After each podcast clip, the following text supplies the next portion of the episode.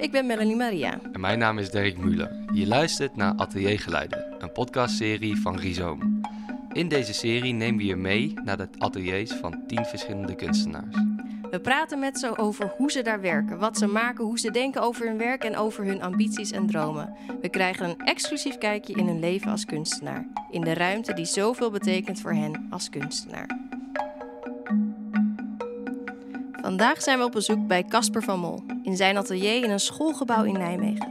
Casper studeerde in 2016 af van de Fine Art opleiding in Arnhem. Daarna deed hij een master aan het Sandberg Instituut. Tijdens zijn studie Fine Art in Arnhem begon hij met de medekunstenaars Jelle Slof en Ide André het performatieve collectief Broken Toaster Records. We hebben het met hem onder meer over zijn werkritme, de transfertechniek die hij gebruikt bij het maken van eigen werk en de muziek die hij draait tijdens het werken.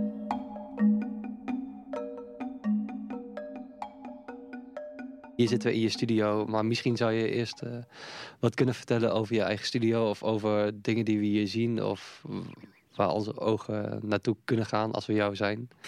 ja, dat is goed. Um, er zit hier inderdaad in mijn studio en wat hier vooral hangt zijn uh, schilderijen waar ik uh, mee bezig ben. Of die al klaar zijn, sommige zijn al klaar. En het zijn allemaal uh, do documentatie van oude performances die ik heb gedaan met mijn performance collectief Broken Toaster Records. En die heb ik met een soort, ja, dat is een soort transfer uh, methode. Heb ik ze overgezet naar, naar Doek. En ben ik daar overheen gaan werken. Dus dat is wat we, waar we nu naar kijken. Dat zijn die grotere en ook deze kleintjes die aan de andere kant hangen. Nou, go Dirk. Ja, beginnen. Waar ga je beginnen als je op iemands atelier komt? Waar begin jij elke dag? Of begin jij hier überhaupt elke dag? Oh ja, uh, ik probeer hier wel uh, elke doordeweekse dag te zijn. Van 9 tot 5. Gewoon heel steady. Burgerlijk. Lekker burgerlijk, ja. ja. Mijn vriendin heeft een vaste baan. En uh, ik vind het heel chill eigenlijk. Om daar om een beetje in die flow mee te gaan. Dus op tijd opstaan en gewoon gaan naar atelier en dingen doen. En dan aan het einde van de dag weer naar huis. Heerlijk. Uh, en wat ik hier doe, als ik hier kom, zet ik de verwarming aan, want het is hier altijd super koud. en ik zet koffie. Ja, dat is het begin. En uh, uh, zo'n burgerlijk leven, is dat een goed leven? Verandert dat je werk ook? Oeh. Um, nou, ik merk wel dat ik wel gedij bij een soort structuur. om dat, dat heel, ja, het geeft heel veel stabiliteit en het neemt heel veel dingen weg. Heel veel onrust en uh, gedoe. Het haalt een beetje de ruis eraf. Dus oh, ja. ik denk dat het wel helpt. Ja. En dat haalt het ruis uit het werk of uit je proces? Uh, allebei. Want uh, nu zit jij hier in Nijmegen in dit schoolgebouw. huur jij een atelier sinds kort? Nee, nee, ik huur sinds 2000. Kijk, ik ben 2016 afgestudeerd. Toen ging ik wonen via Slak. In het, uh, op het KEMA-trein in een oud congresgebouw. Dus toen had ik niet echt een extra atelier nodig. Want ik had een vleugel van een gebouw uh, voor mezelf. En toen moest ik daaruit. Ik denk dat ik in 2017 of 18 daaruit ging. En toen, vanaf toen ben ik, uh, heb ik ateliers gehad in Arnhem. In Arnhem, en nu in Nijmegen. Ja. Ja, ja, ja. En je zei dat waren dan aardig. Wat uh, bespraken we hiervoor? Je bent een soort atelier-nomade. ik, denk niet, ja. Ja, ik denk niet dat dat een hele unieke positie is. Maar ik ben uh, inderdaad afgelopen vijf jaar vijf keer van atelier verhuisd. En wat en, uh, is dit dan nu? Hier mag je een paar jaar blijven, zei je nu in Nijmegen.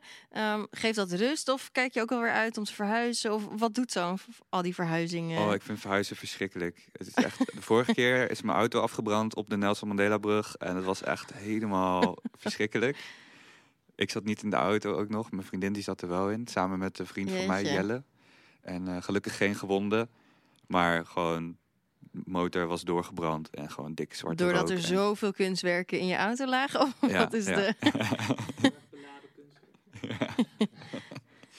ja, de kunst was te heet. Nee, uh, het was uh, een oude Volvo en ik had uh, er was één brandstofslangetje, die was poreus. En toen, was er, toen ging die stuk.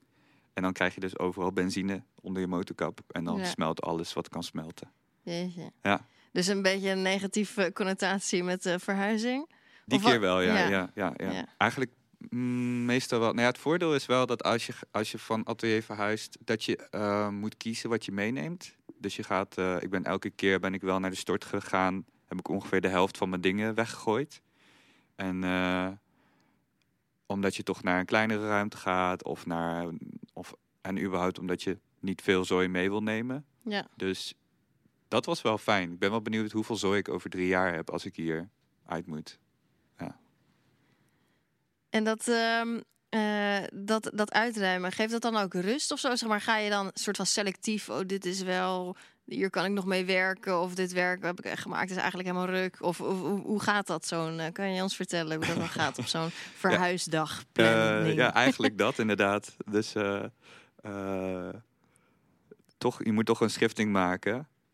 En dan kijk ik naar eh, de, de dingen die ik heb gemaakt. En dan denk ik, hmm, kan ik hier iets mee?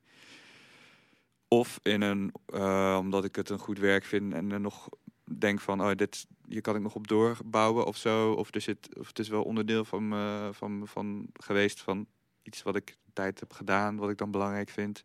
Eh, of een hele praktische zin van, oh ja, dit is nog wel een prima framepje. Of dit is, eh, ik heb ook heel veel dingen voor performances, voor geluid. Dus ja, dat moet allemaal mee. Kabels, microfoons, Ja, hele praktische dingen. Hele Ja. praktische dingen. Dus praktische dingen zijn hier te vinden. We zitten hier, Dirk en ik zitten heerlijk op een, op een bank. Het is hier, En eh, Joris zit op een stoel. Hey, Joris op een stoel. Ja, zeg maar, het, het voelt hier heel zeg maar, comfortabel en rijk aan heel veel materiaal. Nou goed, ik ben benieuwd als je zegt ik heb al heel veel weggedaan. Hoeveel meer het dan nog meer was. Ehm, is het voor jou dan ook belangrijk? Je zei net, ik begin mijn dag. eh, hè, we noemen het burgerlijk, misschien is het helemaal niet burgerlijk, maar gewoon lekker 9 tot 5, koffie aan, verwarming aan. Wat, wat is eigenlijk een atelier voor jou? Oeh, wat een, wat een atelier Ja, is. grote vraag misschien. Hele grote vraag. Eh, eh, nou, atelier is een plek waar je, eh, waar je dingen kan doen. Ja, ik weet niet. Het is een werkplek. Ehm, het is ook een, ja, het is een werkplek, maar het is ook een hele, hele eigen plek. Zeg maar, het is echt mijn, mijn plek. Dus ik bepaal hoe ik het inricht en, en wat ik maak en, en wat er staat. En, dus het is, het is ook een soort weergave van hoe ik het liefst dingen doe. En hoe ik eh, het liefst dingen inricht. Ik heb wel eens een atelier gedeeld. Eh, meerdere ateliers met variërend succes.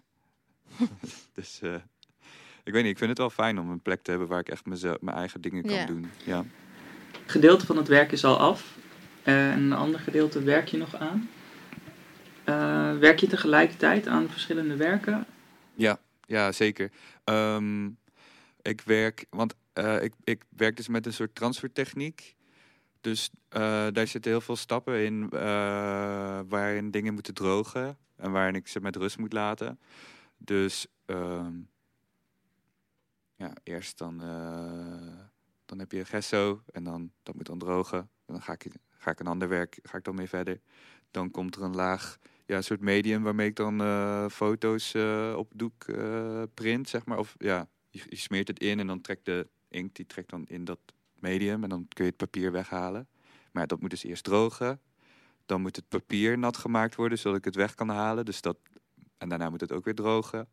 En dan ga ik er overheen met, met oliepastel, met verf, met acryl. En dan met heel veel acryl, met heel veel water.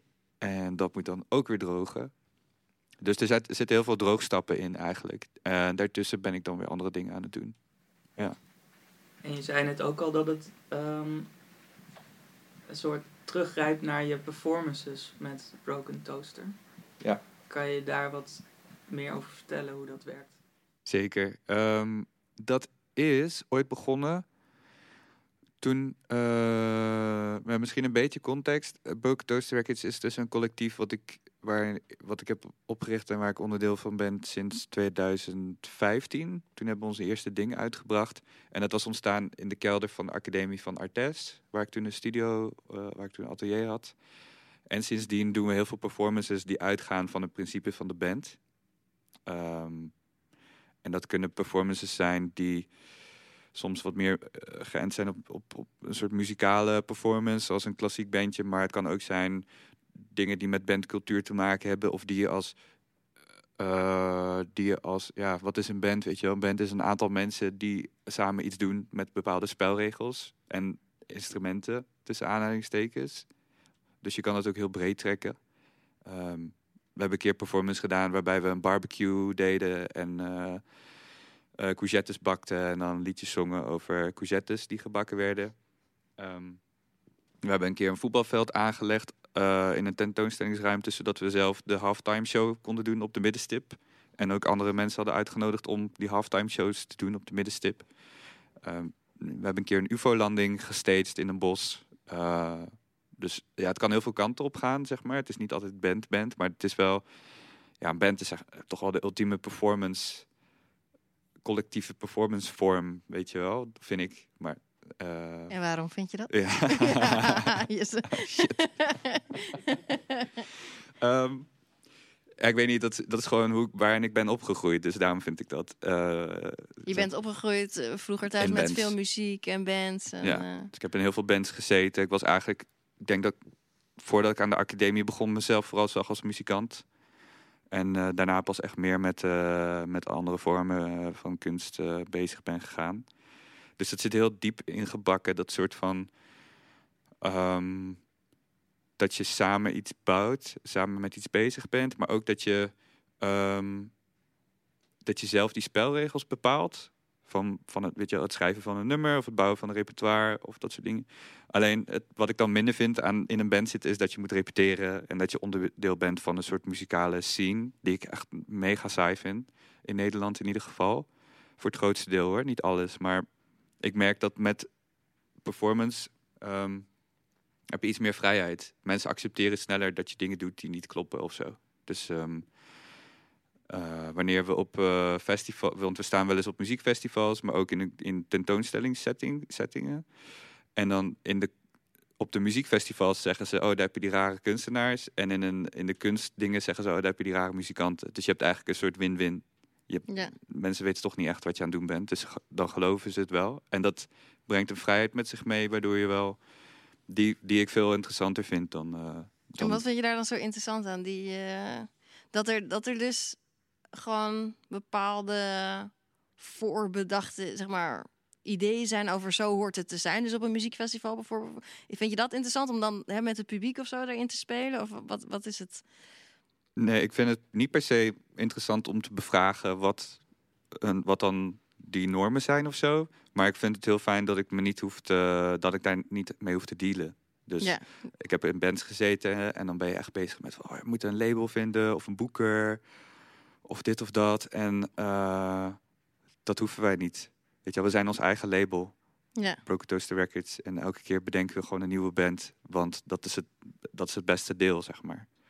Um, dus en ik vind het heel fijn om dan iets uh, uit te zoeken waarvan ik zelf ook niet precies kan benoemen um, uh, wat het is. Dus bijvoorbeeld dat je niet als band of als schilder of, of als kunstenaar kan zeggen van... oh ja, ik ben die persoon, ik maak dit soort werk, lijkt een beetje op dat en dat. En dan klaar, weet je wel. Maar meer, ik vind het dan leuk om naar iets te zoeken wat, waarvan ik zelf niet per se heel goed kan omschrijven wat het, uh, wat dat, wat het is. Of in welke categorie het valt. Ja. En je zegt het is begonnen op de, op de academie. Nou, nu kennen Dirk en ik jou ook van de academie. Uh, maar niet iedereen in de ruimte, maar ook uh, de luisteraar. Mm -hmm. uh, wil je een beetje kort vertellen over het ontstaan van Broken Toaster Records? Ja, zeker. ik was um, in ja, 2015 dus. En ik was aan de academie begonnen terwijl ik eigenlijk vanuit muziek uh, kom. En ik was altijd bezig met hoe kun je dat een beetje combineren. Of hoe kun je daar tussen, wat, wat is daar voor grijs gebied in te vinden? Wat voor speelruimte is daarin? En toen had ik op een gegeven moment een kelder. We hadden een nieuw gebouw met Artes. En er was een hele grote kelder, die stond toen nog vol met zooi. En toen had ik aan uh, de coördinator Chufang gevraagd van... hey, die kelder met zooi, mag ik daar niet in? Want ik maak heel veel herrie en uh, lijkt me een goede plek voor mij. En toen had hij gezegd, ja, is goed. Als niemand daar eh, bezwaar tegen heeft, dan kun je dat gaan doen. Dus ik ging dat doen. En toen had ik dus die ruimte. En ik wou dan, ik had allemaal instrumenten en ik had allemaal spullen. En ik dacht, ik moet, wat ga ik hiermee doen? En toen dacht ik, laat ik gewoon een ruimte gaan bouwen waarin een mogelijkheid is om dingen op te nemen. Ehm, je hebt zo'n zo'n science fiction film, eh, volgens mij is Science of zo, of was het een andere film? Het is echt een classic film, maar ze zeggen, dan zegt ze iemand die zegt: If you build it, they will come. En dan gaat het dan over aliens. Maar in mijn geval waren het dan uh, medestudenten. Want ik had, allemaal, ik had dus al die dingen gebouwd. En toen kregen mensen daar lucht van. En toen stond er op één dag stonden er uh, ineens een stuk of tien uh, medestudenten in mijn atelier. Met een, met een krat bier en een, en een soort wens. Dat ze zeiden, we willen in één dag een album opnemen. Toen zei ik, ja, is goed, gaan we doen. En allemaal, ja, was echt heel tof. vooral omdat bijna niemand van ze had echt een soort muzikale... Ehm, kennis van, uh, van instrumenten of zo. Um, dus wat er gebeurde was dat, dat er gewoon mensen gingen gewoon dingen uitproberen en er werden, ik ging dan zeggen, nou dit is wel een nummer en dan of we namen heel veel op en dan achteraf zei ik van nou, dit is wel een nummer, dit is wel een nummer. En toen, toen was ik klaar met dat editen en mixen en toen dacht ik, wow, dit is best wel vet eigenlijk omdat het niet een album-album is, maar het is een soort van, ja, bijna een soort, um, uh, uh, hoe zeg je dat? Een, een, soort field recording. Dus een, uh, een opname van iets dat, dat, dat was. Ja. Bijna een soort van, ja, ja gewoon twaalf mensen in dat moment, op die plek, met die materialen. Echt, het was heel specifiek en heel tijdsmoment gebonden. En die field recording was dan wat eruit kwam. Dat was het eerste. Dus ik dacht, oh, dit is echt heel tof. Dit wil ik gaan. Uh, dit moet ergens uitgebracht worden. Dus toen had ik een bandcamp opgericht. Bandcamp pagina. Uh, onder het uh, label Broken Toaster Records. En toen hadden we ons eerste album gedropt. En toen zijn er uiteindelijk twee van die tien zijn blijven plakken. En dat waren Jelle Slof en Ide André. En sindsdien hebben we nog heel veel meer gedaan. Ja. En is sindsdien ook die gedachte dat uh, uh, sindsdien al ontstaan dat je dat een band oprichten leuker is dan misschien een band uh, vasthouden. Ja. dus sindsdien zijn er elke keer heb je datzelfde traject doorlopen. Ja, elke keer doen we iets nieuws. We hebben één keer een band twee keer gedaan en dat was echt de tweede keer was echt verschrikkelijk. Of nee, niet verschrikkelijk, maar was gewoon minder tof. Omdat je dan weet van, oh ja, dit zijn de trucjes en als ik dit doe, dan dan gebeurt dat en dan wordt het een beetje een soort van, ja, wordt het een trucje. Uh, want wat ook goed is om te weten misschien, is dat we heel veel, uh, we bedenken heel veel spelregels van tevoren. Of we nemen bepaalde instrumenten mee, of we bedenken een soort setting. Maar wat er dan daadwerkelijk gebeurt tijdens het performen, dat is ja, improvisatie, dat is random. En dat is een van die facetten die een nieuwe band een nieuwe band maakt. Of wat zijn die facetten die een nieuwe band... De facetten zijn uh, de naam, de spelregels, de plek waar we uh, gaan performen. Dus meestal bedenken we iets voor een plek. Um, en wat, wat neem je dan mee in het bedenken? Dan vraag ik me af, zeg maar. Ja, dat kan op hele visueel of. Uh... Uh, dat kan op hele verschillende manieren uitpakken. Um, Eén keer toen gingen we een show doen in Londen in een, uh, in een warenhuis. En toen hadden we bedacht, Hebben van die, je hebt van die reiskoffertjes, van die kleintjes die je in de handbagage kan doen. Dus toen hadden we bedacht, we mogen alleen maar uh, gebruiken wat we mee kunnen nemen in onze reiskoffertjes. Maar dan ben je dus een overweging aan het maken van oké, maar ik wil ook onderbroeken mee, uh, kleren, misschien een extra trui. Oh, maar als ik een extra trui meeneem, dan kan ik misschien niet die microfoon meenemen. Dus je bent dan daarmee een soort van afweging aan het maken. En dat was dan bijvoorbeeld een hele praktische spelregel. Um, voor een andere show, bijvoorbeeld die met die vlag, met dat blauwe mannetje. Uh, dat was een performance in een bos. En uh, toen had ik bedacht dat het wel tof zou zijn om een, uh, soort, om een UFO-landing uh, te stagen. Omdat het was in een bos bij Nijmegen. En dat wij als een soort van aliens vanuit Arnhem neer zouden dalen. En een soort, ja, bijna een soort van UFO-crash daar zouden landen. Dus toen kwamen we ook met een, hadden we een vlag gemaakt en met uh, Planet Menra erop. Menra klinkt heel alienachtig. Het is gewoon Arnhem achterstevoren. En, uh... wow, dat duurde ook echt Oh. heel lang. en het klinkt ook een beetje als Sunra, dus dat was wel Ja. een soort van leuke toevalligheid. Eh, dus, maar daar ging het echt veel meer om het visuele. Dus we hadden ook nog een heel groot blauw object, wat je nu niet ziet, maar was een soort van rookpluim. Alles was blauw. Eh, daarvan zijn de foto's ook veel beter dan de uiteindelijke performance. Ehm, en bandleden spelen ook vaak met. ehm, ja, ze zijn onderdeel van een, een band. En spelen vaak met ook persoonlijkheden. En is dat ook iets wat dan verandert van project naar project? Dat je. Hmm. Wisselt. Wisselt heel erg. Ik denk dat degene die het beste in een soort rol kan stappen, dat het wel Jelle is. Ehm, en ieder en ik performen meer, zijn wel vaker meer onszelf, zeg maar. En ben je dan. eh, Casper van Mol, de kunstenaar? In die performance? Of Of. eh, bandlid van die band die op daar staat. eh, ja, een beetje van beide. Bij mij is het denk ik nog wel het meest vaag hoe Broken Toaster Records en mijn tussen aanhalingstekens eigen praktijk eh, door elkaar heen lopen. Want we zijn alle drie schilder, al ben ik het minst lang schilder. En mijn schilderijen komen ook voort uit Broken Toast Records performances. Ehm, maar bij de andere twee hebben ze echt een meer duidelijke scheiding van, van praktijk, zeg maar. Dus, maar bij ieder zit er nog soms wel eens een performatief element aan vast. En dan doen we wel, of, of dan worden wij ingeschakeld om te performen bij zijn werk. Maar, en bij Jelle is het echt helemaal gescheiden. Ehm, dus of ik dan Casper de kunstenaar ben, ik denk dat ik dan meer misschien eh, als onderdeel van Broken Toaster Records te ben. Ja. Maar je neemt het wel heel erg mee in je eigen praktijk. Want daar begon eigenlijk mijn vraag van... Ja. Wat zien we hier om ons heen? En toen begonnen we, begonnen we over Broken Toaster. Klopt. Ehm, daar was ik inderdaad mee bezig om dat te beantwoorden, ja. Ehm, ik heb dus heel veel... We hebben echt best wel wat performances en verschillende bands gedaan. Ik denk in de afgelopen vijf jaar of zes jaar iets van vijftig verschillende bands.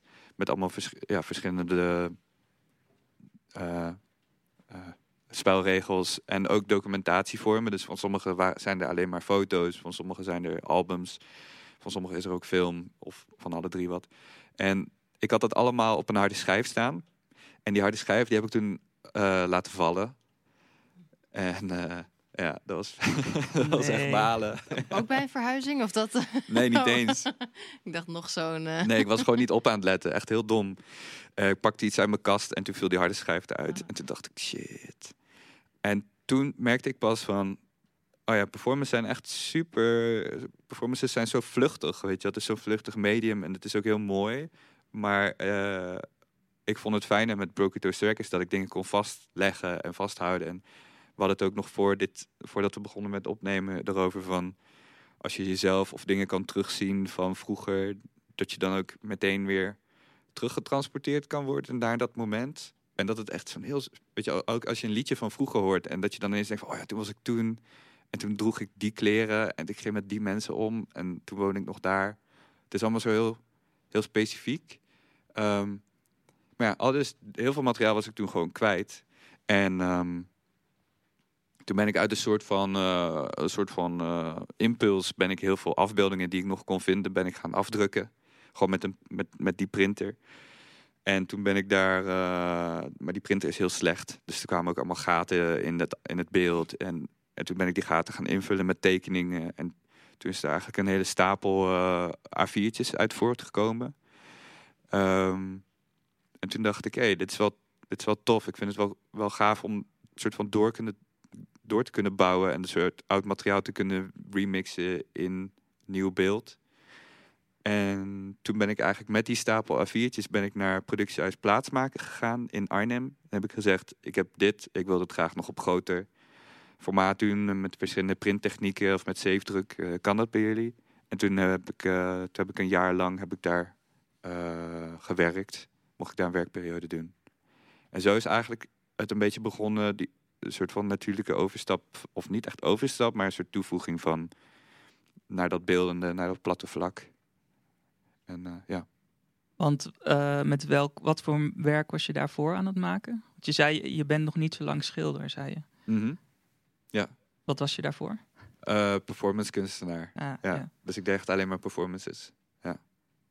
Ook alleen of Nee, in... nee echt Broken Toast Records. Ja. Ja. precies. Dat is het, dus het ding van Broken Toast Records was ik en ik was Broken Toast Records. Maar voor de Mhm. andere twee was het meer gescheiden. Dus voor mij was het meer een soort schizofrene situatie. Ja. ik heb op een aantal momenten echt dat ik echt dacht van, oh ja, wat is nou mijn, mijn, is het nou mijn ding of is het ons ding? Maakt het uit? Ik vind dat ook wel heel interessant hoor, van ehm, hoe, hoe die autonomie dan werkt of zo. Van ben je dan, eh, want als beeldkunstenaar ben je toch vaak een soort van individu. En, eh, maar als, als onderdeel van zo'n collectief, ja, en in bands ook, speelt dat eigenlijk veel minder. Je hebt al, je hebt al ego's, maar ja, het is anders. En was het dan omdat Jelle en Ida ook hun echt wel hun eigen ding hadden naast Broken Toaster Records, dat jij ook die trigger er voelde? Of, of wat, wat is dan die, los van waar we Ehm, het net over hadden, die nostalgie van die beelden, zeg maar? mhm. Dat is toch denk ik ergens wat daarbij heeft getriggerd van, hé, ik voel die noodzaak of behoefte. Of... Ja, ik vond het wel. Ik weet niet, ja, dat is een goede vraag. Ik weet niet, misschien wel inderdaad. Dat ik, omdat ik het om me heen zag, dat ik dacht van, oh, dat is wel vet eigenlijk. Gewoon iets voor jezelf. Ja, gewoon mijn eigen ding. Niet van die, want ik heb heel veel, ik heb ook mijn scriptie en, en ook de, ik heb nog bij Sandberg ook een master gedaan en dat ging alleen maar over een soort van eh, de collectieve, de collectiviteit als een eh, als onderwerp en ook eh, hoe, hoe, hangt het dan samen met, met, met autonomie of met de autonome kunstenaar. En dat vond ik altijd heel interessant en ik was ook wel echt een soort voortvechter van dat al die egocentrische bullshit, dat dat, eh, dat, dat het niet echt, ja, het is gewoon niet cool meer. Of misschien nooit geweest, weet ik niet, maar ik vind het niet zo vet. Ehm, maar toch had ik wel, dacht, dacht ik wel van, ah, het is ook wel fijn om je eigen dingen te doen. Gewoon niet van die andere mensen met meningen en zo. Ja, want je hebt ook heel erg de behoefte om echt wel je eigen atelier te hebben en dat niet per se te delen. Ja, klopt.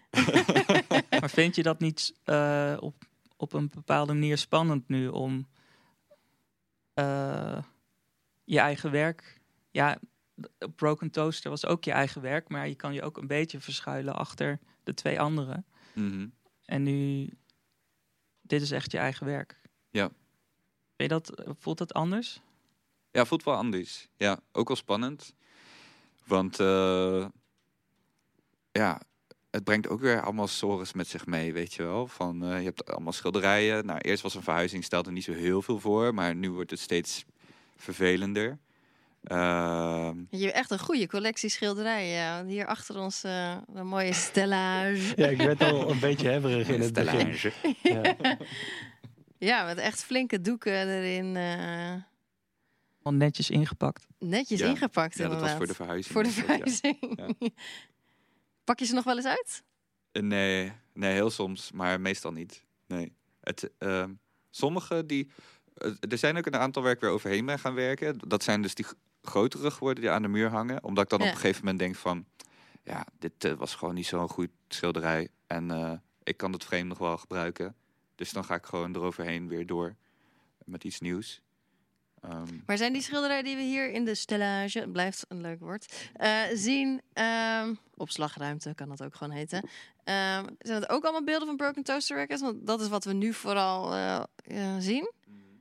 Dat- ja, het is Ja? allemaal, allemaal dezelfde oorsprong. Alleen hele andere uitingsvormen. Toen was ik echt nog meer aan het schilderen. En dan wou ik die, dat soort dat printen wou ik even aan de kant leggen. Eh, dus toen ben ik alleen maar gaan schilderen en die zien er weer heel anders uit. En nu ben ik weer, nu heeft het toch dat, dat, dat transfer of dat gebruik, gebruik maken van, dat, van die foto's is toch weer een beetje teruggekomen in mijn werk. En eh, Ehm, ja, maar ik had het wel even nodig om het aan de kant te leggen, zeg maar. Ja. Ja. Ja, ik vind het heel. eh, ik zie hier achter mij meer inderdaad, ook, ja, wat je zegt, hè, meer vanuit de schildering. En wat op de muren hangt, eh, zie je heel vaag soort van foto er doorheen gedrukt hè, met de techniek wat je net vulde. En vooral heel veel kleur. En Ja. nou ik aan mijn achter jou eh, dat roze, dat waarop ja, dat is natuurlijk altijd zo'n rottige vraag. Waarom heb je deze kleur gebruikt? Maar wat, wat is de. ja, kan je ons meenemen misschien in, het, in ja, los van de technieken, los van de droogtijd, los van het nostalgische? Mhm. Waarom eh, heb je er verder. Wat is er opgetekend? Waarom die kleur? En waarom daarachter heb je nog een soort kartonnen of wat, wat, wat is het? Mhm. Hout. Ja, klopt. Ehm, ik ben toen ik alleen ging schilderen en geen foto's meer gebruikte, toen ben ik met vrij eh, was ik eigenlijk een beetje aan het uitzoeken hoe je verf moet gebruiken. En ik vond het dan en ik merkte dat als ik verf verdunde, dat het dan eh, soepeler eh, aan te brengen was. Dus dat deed ik. En op een gegeven moment voegde ik zoveel water toe dat het eigenlijk allemaal vlekken werden.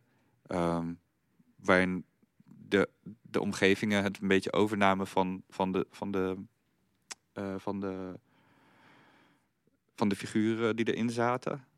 En toen, ik, zo is dat een beetje erin geslopen van, oh ja, hoe kan ik zo'n, wat, wat, hoe pak ik zoiets in in een soort omgeving of in een, hoe benadruk ik dingen of hoe geef ik een, hoe, voeg ik iets toe wat bijdraagt aan, ehm, aan de sfeer van toen. Mhm. Dus het zijn ook een soort, ja, als je het heel clichématig zou moeten zeggen, zijn het ook een soort droombeelden of zo. Ehm, en, eh, en die, eh, ja, ik, ja, ik weet niet echt wat Ik ik, vind denk, het- Heel grap, of, ja, grappig. eh, interessant dat je pas weer met foto's bent begonnen nadat je harde schijf is gecrashed. Het een soort van nog bewaren wat er nog is. Ja. Eh, ja. Ja, het is dus, was echt een soort noodzaak. Ja. Ja. En ik denk met het toevoegen van de tekeningen en van, de, en van die, die, die, die kleurenlagen, zeg maar, is het, gaat het echt om een soort omgeving. En dan misschien meer een soort mentale omgeving dan, een, eh, dan, een, dan dat ik letterlijk fysiek wil laten zien wat er was. Ehm, wow, ja, ik zat er he- helemaal in, eh, in je verhaal. ik zat de hele tijd dingen te, eh, te bedenken en toen vielen ze weer weg. Het kwam zo terug. Ehm, maar ja, de achtergronden van deze doeken zijn Broken Toaster Records gerelateerd. Ja. En je, je hebt het erover, Broken Toaster Records ontstaat. Je twijfelt over je eigen praktijk. Je twijfelt niet misschien over de praktijk, maar zeg maar waar dat elkaar raakt en waar dat helemaal los staat van elkaar. Kan je dat eh, grofweg uitzetten in een tijdlijn, zeg maar, waar Broken Toaster op, zich, op zichzelf stond en jij misschien helemaal op de achtergrond was. En het voelt of het lijkt alsof je nu ook letterlijk in de beelden zelf meer de, de voorgrond pakt. En alsof Broken Toaster Records misschien iets meer verdwijnt op de achtergrond. Is dat Hmm. ook zo? Dat is een goede vraag. Broken Toaster Records is wel de laatste tijd minder actief geweest. Maar dat heeft niet per se alleen maar met, met mijn eigen... Met, met mij te maken. Maar ook met gewoon... ehm, ja, met de laatste twee jaar dat performances heel lastig waren om te doen vanwege corona. Maar ook eh, omdat we in het begin echt heel veel shows deden en ook veel werden gevraagd. Misschien ook omdat het toen nog helemaal nieuw was en er een soort van vuur was of zo. En dat vuur is nog wel, maar nu, nu is het heel even op een lager pitje. Ehm, maar dat was natuurlijk niet helemaal je vraag, denk ik. Het is niet een bewuste actie van mij om Broken Toast Records meer naar de achtergrond te drukken in ieder geval. Oh ja, de tijdlijn, dat was het. Ehm, nee, er is geen moment geweest dat, ik, dat het echt los stond van mij. Nee.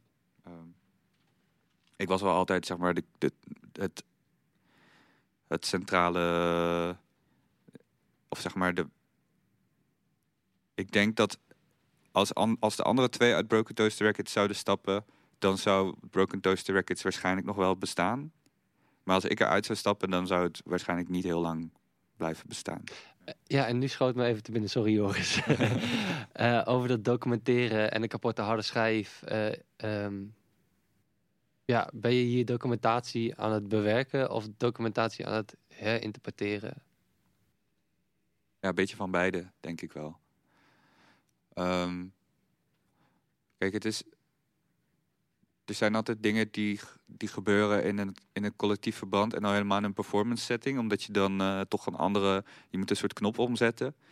En ehm, dus wat er ook onderdeel in speelt, is dat er allemaal omdat je niet in je eentje bezig bent, maar met z'n drieën zijn, je hebt een soort van invloed op elkaar. Dus het zijn, je kijkt naar elkaar, maar je hebt ook een, het heeft ook, je hebt ook, je trekt ook aan elkaar of zo. Of je hebt een, weet je wel, als we een performance aan het doen zijn en ik ben aan het drummen en ik stop ineens met drummen, dan gebeurt, dan valt de hele energie verandert dan of zo, weet je wel. En dan, dus je let ook, je bent ook met elkaar bezig, maar je bent ook toevoegingen aan het doen in zo'n, in zo'n collectieve uh, soort heksenketel. Weet je wel, om de beurt voegt iemand de ingrediënt toe en dat, dat roer je dan. En dat, wordt dan, dat is dan wat het, wat het, wat het is.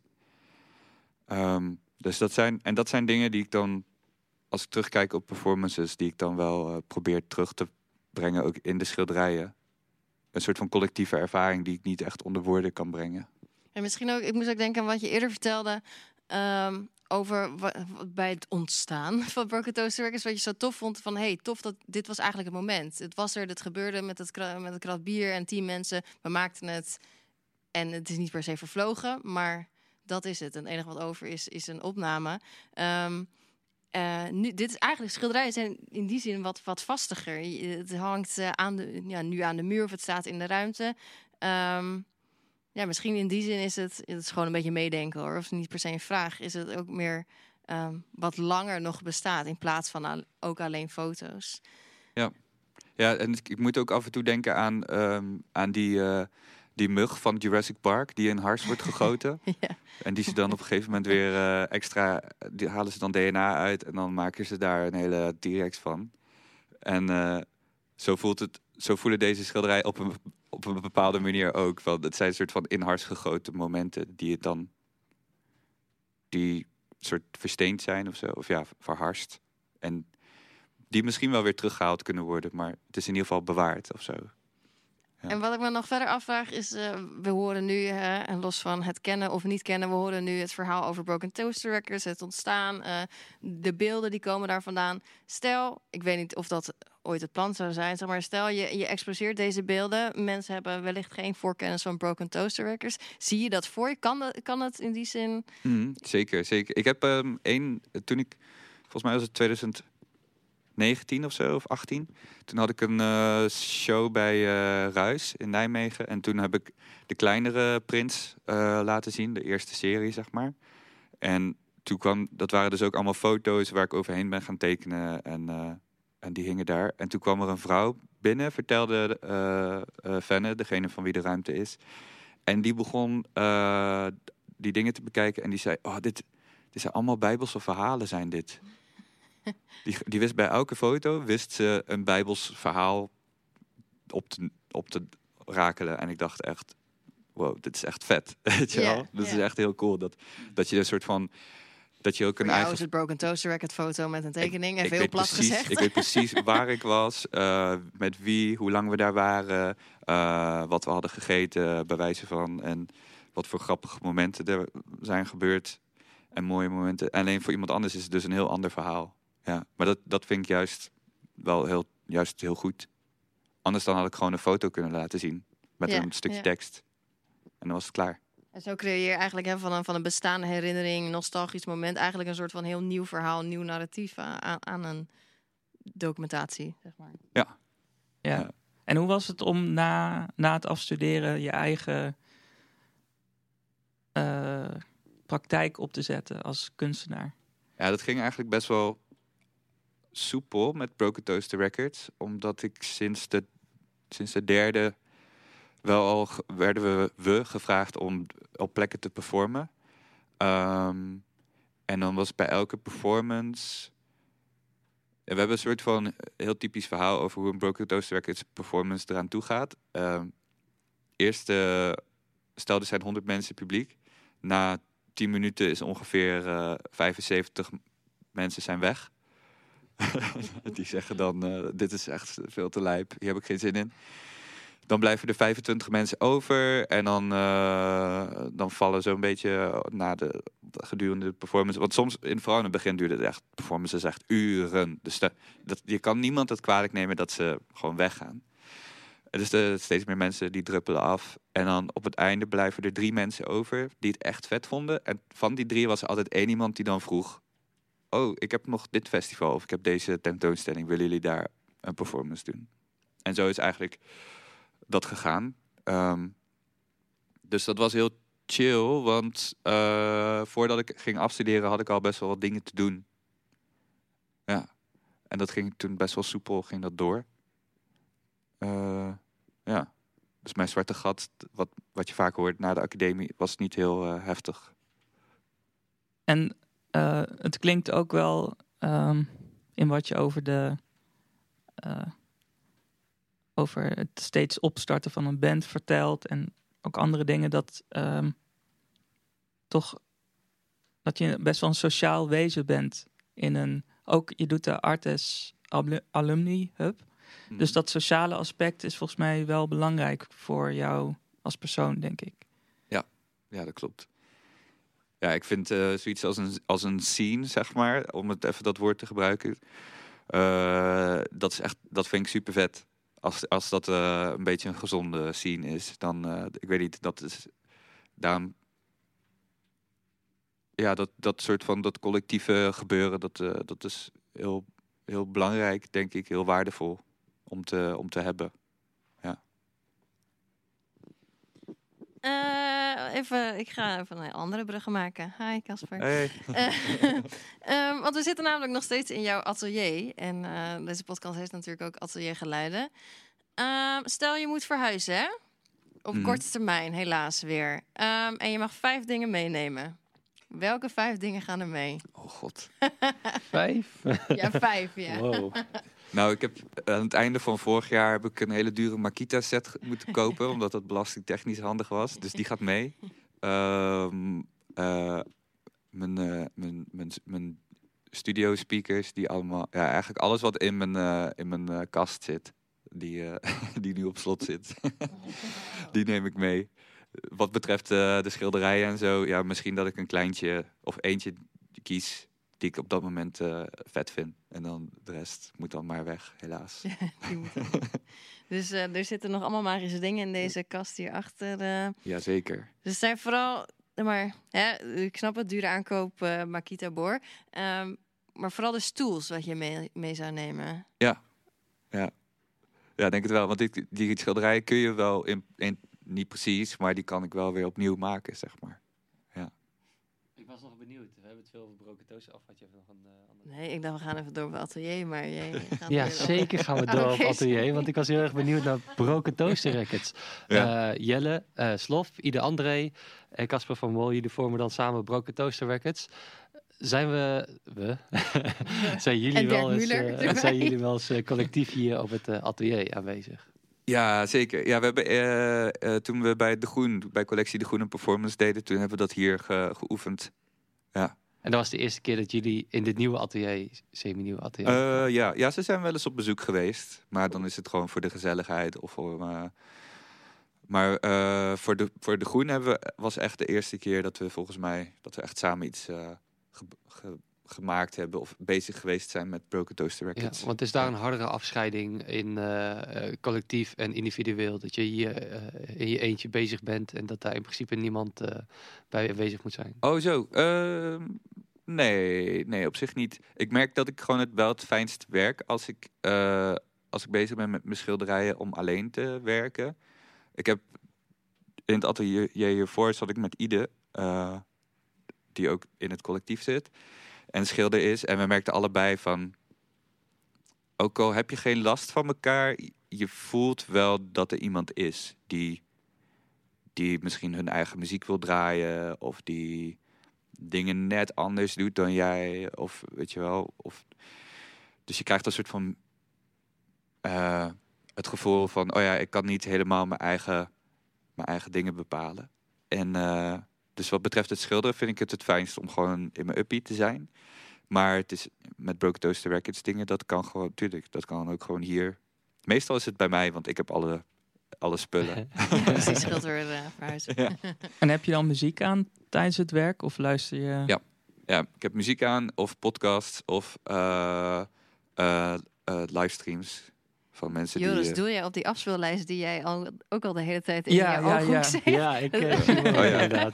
Kan je eens aanzetten? Hij heet... eh, Nee, maar dat wordt met copyright. eh, Nee, Oh, joh, ja. maar zeven seconden mag wel, toch? Oké, ja. ja. Zullen we het proberen? Ja. Ja.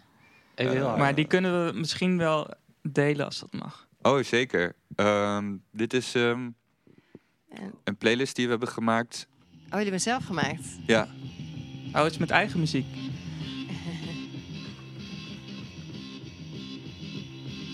Ja, het moet helemaal heel kort, hè? Ja.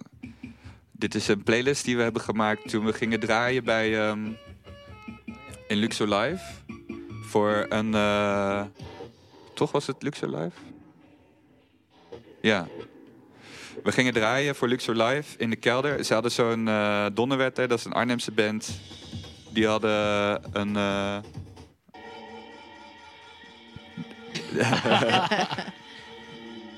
Kun je ook even de titel benoemen van deze playlist? Oh Eh, ja, zeker. Eh, de playlist heet eh 666 Ways to Drive Off a Cliff. Precies, ja. Hij eh, staat op Spotify. En, eh, nee, maar eh, er was... Oh, dat was niet met Donnerwet idee. Dat was met 17-jarig bestaan van Luxor Live. Hadden ze een, eh, een heel event. En wij mochten draaien in de kelder. En eh, we hadden motorhelmen op. En eh, ik en Ide moesten met, gingen met z'n tweeën draaien, want Jelle kon helaas niet. En we dachten, wat is er nou een, vette, een soort van vet thema om een playlist omheen te bouwen die je dan gaat draaien. En toen dachten we, ja, eh, 666 manieren om met een auto van een klif af te rijden. Vonden we wel een goed beeld. en het is een soort van bizarre, eh, een bizarre titel. Want het is een soort, het is een beetje een soort zelfhulpboek of een, of een, of een clickbait artikel, weet je wel. Alleen dan eh, met over iets heel bizars. Eh, dus het, maar het dekt wel een, la- een lading. Ik denk als je de playlist opzet, dan hoor je wel dat het, eh, dat, het dat is. En we zijn nu ongeveer een, ja, tegen een uur aan het opnemen. Wow. Ehm, dus we moeten even kijken of we... Ja, hebben we bepaalde, bepaalde belangrijke dingen gemist, denk je? ja. Is er nog iets wat jij wil delen? nou ja, waar ik nu mee bezig ben, naast die schilderijen, zijn die objecten die daar staan. Want daar hint je ook nog op. Ja. En dit zijn eh soort enorme. eh, ja, ik, ik vind het. ehm, ik zie ze als decorstukken. Dat is ook precies hoe ik ze eigenlijk ja, las. Oh, nice. Ja. Vet. Want ik heb eh, in mijn schilderijen komen bepaalde vormen terug. Weet je, ogen en een soort van handen, maar ook eh, kleur, vlakken en dingen die, die ruimte innemen. Ik beschilder bijna nooit de personages, maar vooral de ruimtes.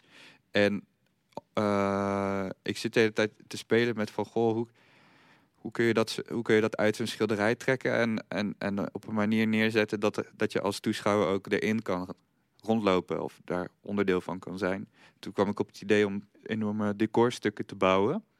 En die dan met dezelfde technieken te, te, te beschilderen. Dus met heel veel water, met oliepastel, met, eh, met acryl. En eh, die komen binnenkort, of nou binnenkort, in juli. In, nu ga ik mezelf even pluggen. Komen ze in de PIP in Den Haag. Eh, als onderdeel van PIP Expo ga ik eh, een stuk of 16 grote objecten maken die echt minstens mensgroot zijn. Dus minstens 2 meter hoog, 2 meter breed. En die, ga, die komen daar in die ruimte als decorstukken te staan. En ga ik meerdere punkbands uitnodigen om ook verspreid door dat decor op te treden. Ehm, waardoor je dus als publiek ook een soort van onderdeel bent van een toneelstuk als acteur. Meestal met het toneel heb je een soort van... Je hebt het podium waar alle decorstukken op staan. En je hebt het publiek. En er zit een soort harde scheidingslijn tussen. En, maar voor, die, voor dat evenement gaan we, ga ik dat door de war gooien. Dus overal is decor en iedereen is acteur en performer. En, eh, en zoek het maar uit, zeg maar. Cool, Ja. ben benieuwd. Ik ben ook benieuwd naar die vormen die we hier zien. Een, het lijkt een soort palmboom. Eh, komt dat dus uit de schilderijen? Of is het weer een soort van een losse vorm voor het decorstuk aan zich? Nee, het zijn wel het zijn vormen die weer uit de schilderijen komen. Het zijn wel, sommige zijn, verwijzen heel concreet naar bepaalde momenten. Eh, bijvoorbeeld die palmboom verwijst naar eh, dat schilderijtje. met die palmboom. Met de palm, Eh. ja. En, eh, en die palmboom is weer, die, komt, die heb ik weer uit een ander schilderij gehaald. Waar, en dat ging over een performance die we hebben gedaan, genaamd Bricolage. Het was in circa dit. Het was een show van, van Ide. Daar lag de hele ruimte lag onder de gravel. En hij had met bakstenen had hij een soort eilandje gebouwd. En op dat eilandje hebben we toen geperformd. En dat, daar is ook een album uit opgenomen, voortgekomen, genaamd Bricolage. Maar daar had ik een schilderij van gemaakt. En als onderdeel van dat eilandje, als je een eilandje hebt, dan moet er wel een palmboom op. En dus zo is die palmboom eigenlijk meerdere keren teruggekomen. En die is nu een beetje blijven hangen, zeg maar. Ehm, en, maar sommige vormen zijn ook wat meer abstract. Die, ja, die, die komen dan eh, tijdens het tekenen of zo komen die, eh, tevoorschijn.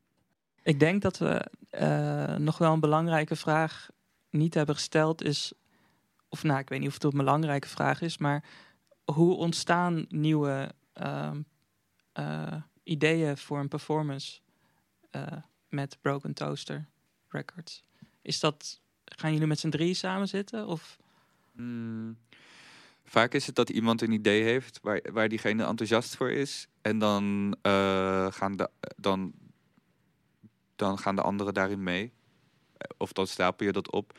We hebben toevallig een paar maanden geleden een lezing gegeven, ook hierover bij de HKU, bij Fine Art. Over, omdat er heel veel interesse is in, in een soort van in collectief maken, en collectief werken. En toen hadden we ook een paar gouden tips gegeven. En een van die tips is dat je elkaars cheerleader moet zijn. Dus als iemand met een idee komt, dat je niet snel gaat zeggen... "Ah, eh, weet ik niet. Want dan, de volgende keer dat jij met een i- idee komt, dan zegt de andere... Ja, weet niet, ik vond mijn idee leuker, weet je wel. En dan krijg je een soort heel raar, heel raar individualistisch gevoel. Het is denk ik belangrijker dat je, als jij bepaalde dingen mist... of bepaalde dingen wilt zien gebeuren in een collectief... dat je dan dat je gewoon met suggesties komt om dat te gaan doen. En dan is het aan de anderen om te zeggen... vet, gaan we doen. Uh, maar daar, dat zijn wel dingen waar we af en toe mee worstelen. Van, gaan we... Waar gaat het heen met het label? Of wie, weet je wel? De een wil meer dit, de ander wil meer dat. En uh, uiteindelijk is het, denk ik, het belangrijkste dat je het allebei, dat je alle ideeën mag doen. En dat je elkaar daarin helpt. Want anders kun je het net zo goed in je eentje doen, weet je wel. En dan kun je gewoon mensen gaan inhuren om te zeggen, ik wil dat je dit doet. Maar het is juist leuk aan een collectief dat je, uh, dat je elkaar helpt. En, uh, en ook invloed hebt op elkaar. Ik uh, voel Dirk hier naast mij echt heel hard ja schudden. terwijl jij dit verkondigt, Casper. En ik moet ook heel erg denken aan uh, überhaupt, hè, waar we het net over hadden. Het, het sociale aspect, het netwerken, de scene. Um, de kunstwereld aan zich, natuurlijk niet de hele kunstwereld, maar dat er zeker ook in, de bepaal, in bepaalde scenes het ook moet je, of moet, vind ik, en ik weet ook dat Dirk Muller naast mij ook dat vindt, elkaars cheerleader zijn. En ik denk dat dat daarin ook heel erg terugkomt. Uh, in plaats van, uh, we zijn allemaal individuen. We zijn allemaal cheerleaders. maar we zijn eigenlijk allemaal ja. collectieve cheerleaders van elkaar. Ja. Je kan beter met z'n allen cheerleader zijn dan met z'n allen individu ja. zijn. Zeker. Je zou maar in je eentje zo'n toren, zo'n cheerleader toren moeten maken. Dat gaat dus niet. Toren, oh, zo'n toren, ja. ja, Weet je ja. Nee, maar serieus, ik bedoel, de sector is al gewoon ja, het is al, het is al geen, uh, geen vetpot en het is al niet, niet makkelijk. En dan moeten we ook nog dus elkaar skillen gaan doorsnijden, weet je wel, en een beetje ellebogen. Dan denk ik, ja, dat is niet. Nee, dat maar het geld wat jullie niet krijgen, dat krijg ik dus. Ja, ja ja, dat is waar. Ja. ja. Maar daarom werken we ook interdisciplinair, zodat je een beetje van alles kan doen. Ja. Tof. Super bedankt, Casper. Uh, dat was hem. Ja, jullie ook bedankt voor de uitnodiging. Heel yes. vet. En uh, wanneer is de volgende Broken Toaster performance? Um, nu! Ja, nu. Oh, ja. Dat zou een leuke binnenkomer zijn. Ja, laat hier binnenvallen. ja. ja. Shit, ah, gemiste kans. Ja. Ja, je kun je nog wel erin editen natuurlijk. Ja, die, ja. Uh, weet ik niet, volgens mij hebben we nu even niks staan. Nee, maar het komt wel weer. Ja. ja. Ik ga me inschrijven voor This Art Fair, dus waarschijnlijk uh, mogen ze, gaan we dan ook nog wel iets doen. Met z'n drieën. Tof, ja. goed om te weten. Hey, bedankt en uh, tot uh, de volgende. Ja, als je er een volgende. Ja. We moeten het echt bij. Bedankt. een goede outro, Dirk. Je luisterde naar Ateliergeluiden, een podcast van Wieso. Deze podcast wordt mede mogelijk gemaakt door de ondersteuning van gemeente Arnhem. Aan deze podcast werkte mee voor het interview Melanie Maria en Dirk Muller. De annotaties werden gedaan door Joris Broekhoven en Robin Speyer. De montage, het mixen en het masteren door James de Jong, Jascha Mostert. De in- en outro muziek is van Annabel Schouten en de cover-illustratie werd gemaakt door Gemma Oosterhof. Voor meer informatie over Rhizoom ga je naar rhizoom.art. En als je deze podcast leuk vond, laat dan een beoordeling achter in je podcast-app.